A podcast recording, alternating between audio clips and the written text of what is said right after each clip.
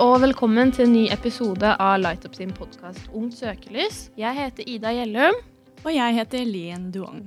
Hei, Lien. Har du hatt en fin dag i dag? Hei, Ida. Jo, det har jeg. Takk for det. Så bra. Jeg uh, vil stille deg et dilemma som jeg kom over i dag som jeg syns var veldig artig. Ja.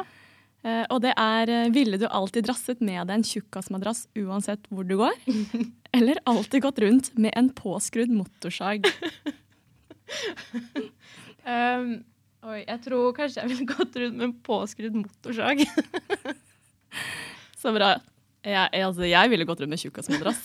Så ser jeg som en klin gæren person. Men Ja. uh, Jeg ser ikke noe bedre ut av en motorsag. Nei, skal vi komme oss tilbake til det alvorlige temaet for i dag? yes. Nei da. Uh, men i denne episoden så kommer vi til å ta for oss tema prostitusjon. Eh, skal vi snakke litt om hva det er, hvordan reguleres det i Norge, hvem befinner seg i prostitusjon, og hvem kjøper sex. Eh, men aller først vil vi jo definere prostitusjon og reflektere litt rundt begrepet man bruker når man snakker om dette. Eh, og i norsk lov er jo prostitusjon definert som seksuell omgang eller handling mot vederlag, dvs. Si betaling av noe slag, om det er penger eller at man bytter sex mot noe annet, eh, eksempelvis rusmidler. Med andre ord at noen kjøper sex eller seksuelle handlinger av en annen person mot erstatning. Eh, Vi ønsker å gi et så eh, virkelighetsnært bilde av utnyttelse som mulig, og vi i Lightup er derfor veldig bevisst på hvilke ord og begreper vi bruker når vi snakker om dette. Eh, Så når man snakker om prostitusjon, er ordet prostituert et begrep som er veldig vanlig å bruke. Men vi oppfordrer folk til å ikke bruke det. Eh, Det kan virke fordømmende og stigmatiserende for, for personer i prostitusjon. At disse menneskene liksom bare er det de gjør. Eh, Men de er jo så mye mer enn bare det de gjør. Så derfor syns jeg det er veldig viktig å snakke litt om hvordan man omtaler disse menneskene. Mm. Og vi bruker jo heller ikke ordet sexarbeider. Dette bidrar nemlig til en ja, normalisering da, av prostitusjon. Og det gir også et inntrykk av at prostitusjon er en helt vanlig og en veldig grei jobb. Noe som da prostitusjonsforskning absolutt motbeviser. Så Ida, hva er det man egentlig kan si istedenfor da? Uh, vi i Lightup mener man kan f.eks. si personer i prostitusjon, eller han uh, eller hun som prostitueres. Eh, Mm. På den måten uttrykker vi at prostitusjon ikke er en person, men at det er noe skadelig som veldig få mennesker ønsker å være i. Eh, majoriteten av de som utnyttes i prostitusjon, er jo kvinner, men det finnes også menn og transpersoner. Eh, derfor sier vi aldri kvinner i prostitusjon hvis vi ikke er helt sikre på at de vi snakker om, er eller var kvinnene. Og ofte sier man at prostitusjon er verdens eldste yrke, men vi velger heller å si at det er en av verdens eldste former for utnyttelse. For opp gjennom årene så har vi i Lightup møtt flere hundre mennesker i prostitusjon. Og aldri har vi møtt noen som uttrykker at det er det de ønsker å gjøre.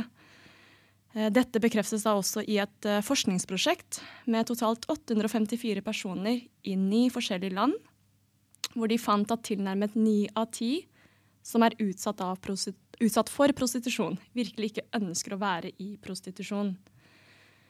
Det finnes selvsagt en liten minoritet som kanskje av helt av fri vilje velger uh, å selge sex, men likevel ser vi også at den store majoriteten ikke er der.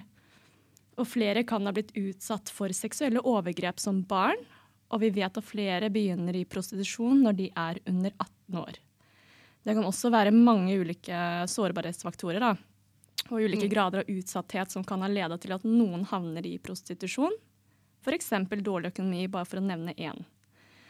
Og et sitat da som fanger dette her godt, ble sagt av Marilyn Schultz, som eh, skrev en kronikk om prostitusjon i Agenda magasin.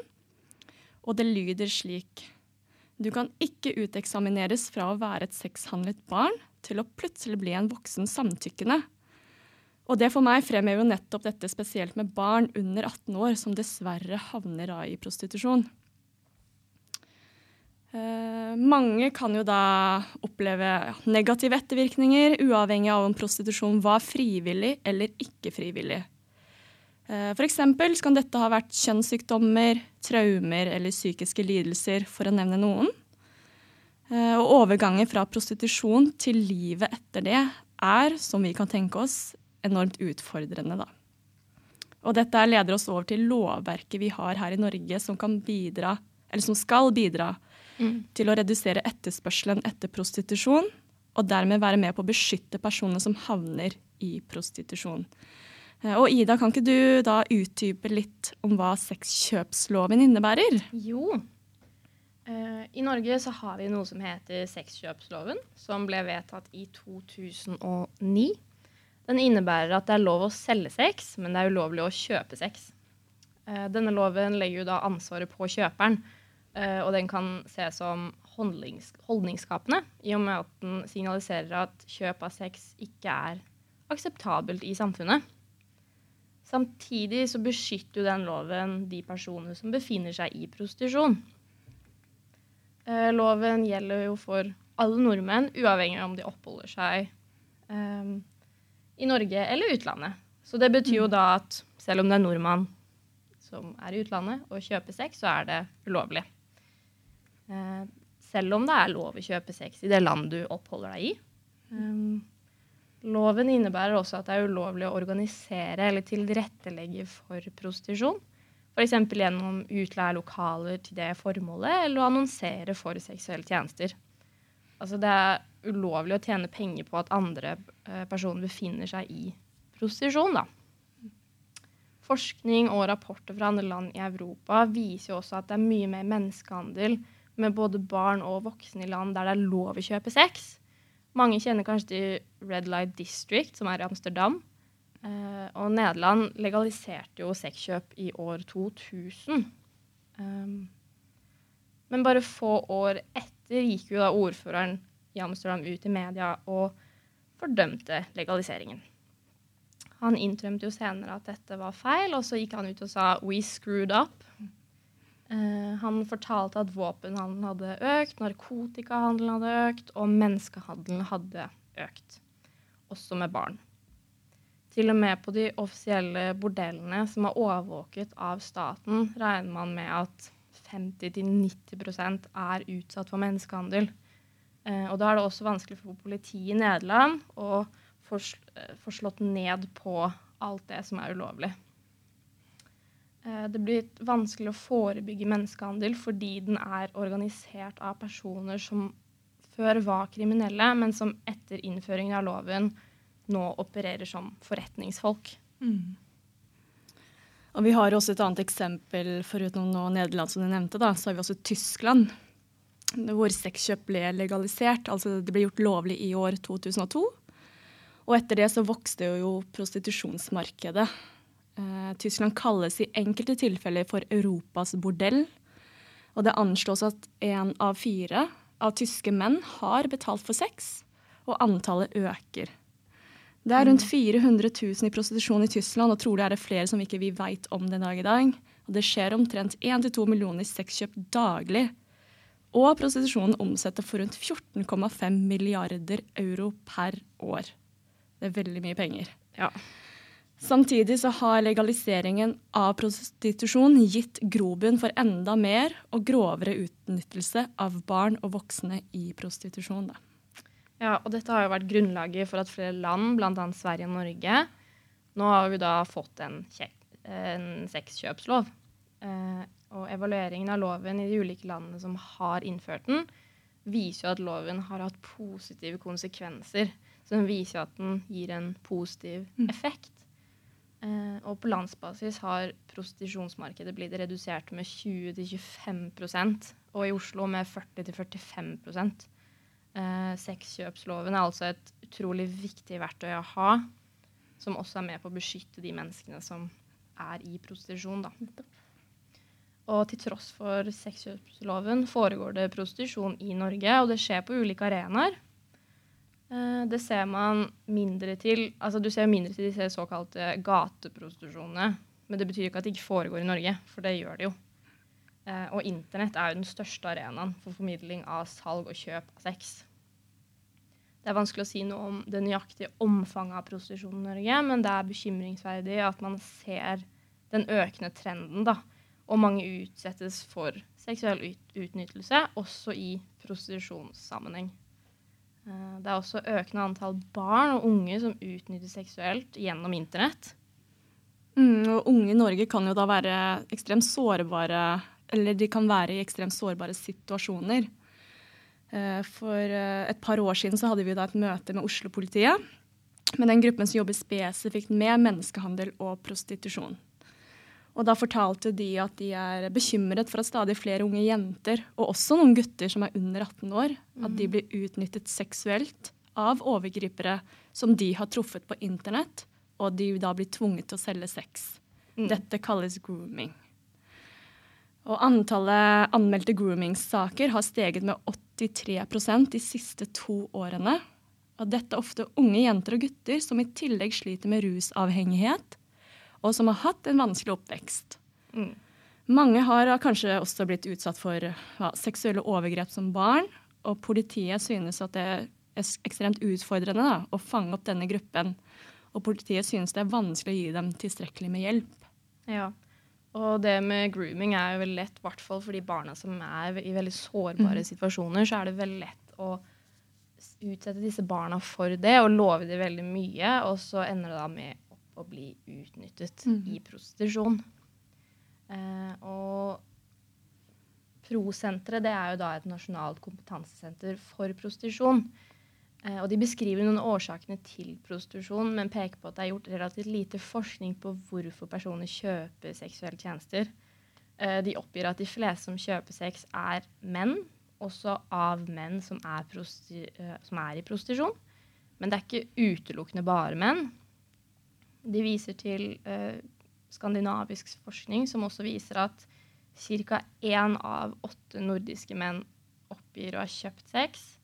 De fleste kundene har kun kjøpt et fåtalls ganger, og et flertall har, har kjøpere gjort på reiser i utlandet. Men som nevnt er det også ulovlig for nordmenn å kjøpe sex i utlandet. Eh, og Prosenteret oppgir også noen av de eh, vanligste årsakene til at personer kjøper sex. Og vi skal da ikke ramse opp alle her, men noen av de er at man mangler sex, eller spesifikke former for sex i forholdet man kanskje er i. At man er ensom, føler seg avvist eller uønsket som partner. Da. Mm. De oppgir også makt som en grunn. At kunden får opplevelse av å sette premissene for sexen selv. At det er spennende å gjøre noe som bryter med de konvensjonelle, men også kan være knyttet til sexavhengighet. Mm. Og så skal vi snakke litt om forebygging, da. Fordi når det gjelder forebygging, så vil vi spesielt trekke frem to viktige faktorer som, som kan dempe etterspørselen. Eh, og med forebygging så mener vi at det blir færre mennesker i verden som utnytter andre seksuelt. Eh, det handler da om sexkjøpsloven og porno. Og vi mener det er utrolig viktig å bevare sexkjøpsloven, fordi det finnes mennesker som utnyttes i prostitusjon. Fordi det finnes mennesker som kjøper sex. Og derfor må vi forhindre at mennesker kjøper sex. Hvilket er hele grunnen til at det er veldig viktig å ha en lov som sier at det ikke er greit. Noe sexkjøpsloven gjør, da, faktisk. Mm. Sexkjøpsloven er også et viktig verktøy for å redusere menneskehandelen, spesielt fordi den påvirker holdningen til unge som vokser opp i et samfunn der det ikke er lov å kjøpe sex. Og Samtidig så setter denne loven fokus på etterspørselen. Det er personen som etterspør kjøp av sex eller seksuelle tjenester, som faktisk gjør noe ulovlig. Den globale sexindustrien utgjør en stor del av menneskehandelen, og du kan faktisk lære mer om menneskehandel i en senere podkastepisode her i Ungt søkelys. Ja, som vi skal ta opp neste episode. Mm. Um, men også som vi snakket om i de forrige episodene, er det jo også en link mellom pornoindustrien, pornokonsum og prostitusjon. Eh, pornografi er en viktig drivkraft bak altså den globale seksuelle utnyttelsen. Da, og nettpornografien den preges jo veldig av utnyttelse av voksne og barn. Og den preges veldig mye av utnyttelse. Eh, mange av de som utnyttes i prostitusjon, utnyttes også av produksjon som skal da gå til pornofilmer. Mm. Eh, og hvis vi reduserer pornografikonsumet, altså hvor mye man ser på porno, så er det en måte å bidra til å forebygge den seksuelle utnyttelsen på, men også i pros prostitusjon. Nettopp derfor tenker jeg at det er så viktig å få til gode og kritiske samtaler om porno og pornobruk blant unge som vokser opp i Norge i dag. Og det er jo derfor vi også snakker om dette i dag og har denne podkasten for å skape den viktige pornopraten, da. Ja, debatten. Mm. Og vi fokuserer jo også veldig mye på sexkjøpsloven, fordi det finnes noen som ikke vil ha den der. F.eks. for eksempel så vil Høyre, Venstre og Frp avskaffe sexkjøpsloven, faktisk. Så det er jo et ganske hva skal jeg si, politisk omdiskutert tema, da. Ja, absolutt. Så vi i Lightup mener det er veldig viktig å snakke om dette og øke kunnskapen om prostitusjon og mennesker som utnyttes. Ja. Bare for å samle smått noen av de, våre tanker rundt sexkjøpsloven, så mener jo vi i Lightup at uh, sexkjøpsloven signaliserer holdningene våre til kjøp av sex, og det er veldig viktig. Mm. Og det er nemlig dette at det ikke er greit. Vi ønsker ikke at seksuell utnyttelse skal normaliseres. Samtidig ser man fra andre land at fjerning av sexkjøpsloven ikke forhindrer utnyttelse av personer i sexindustrien, men det hadde sendt et signal altså da, til disse bakpersonene om at det er fritt frem for utnyttelse i Norge. Og det ønsker vi ikke. Eh, så ja, prostitusjon er jo et veldig stort tema. Vi kunne sikkert sitte og pratet lenge om dette her. Ja. det har mange nyanser og mange dimensjoner. Absolutt. Men akkurat i denne episoden så har vi forsøkt å gi dere en liten innføring i noen eh, grunnleggende aspekter da, ved denne formen for utnyttelse. Og i neste episode kommer vi til å aktualisere tematikken ved å diskutere og reflektere over hva pandemien betyr for personer som nå befinner seg i prostitusjon. Ja. Eh, og som sagt så kunne vi jo sitte og prate om dette i flere timer, men mm. uh, nå skal vi runde av. Og så, hvis du vil engasjere deg mer i temaet vi Lightup tar for oss å jobbe med, og inkludert dette, så er du hjertelig velkommen til å bli medlem i Lightup. Uh, så det er bare å se hvordan, som vi legger til i episodebeskrivelsen.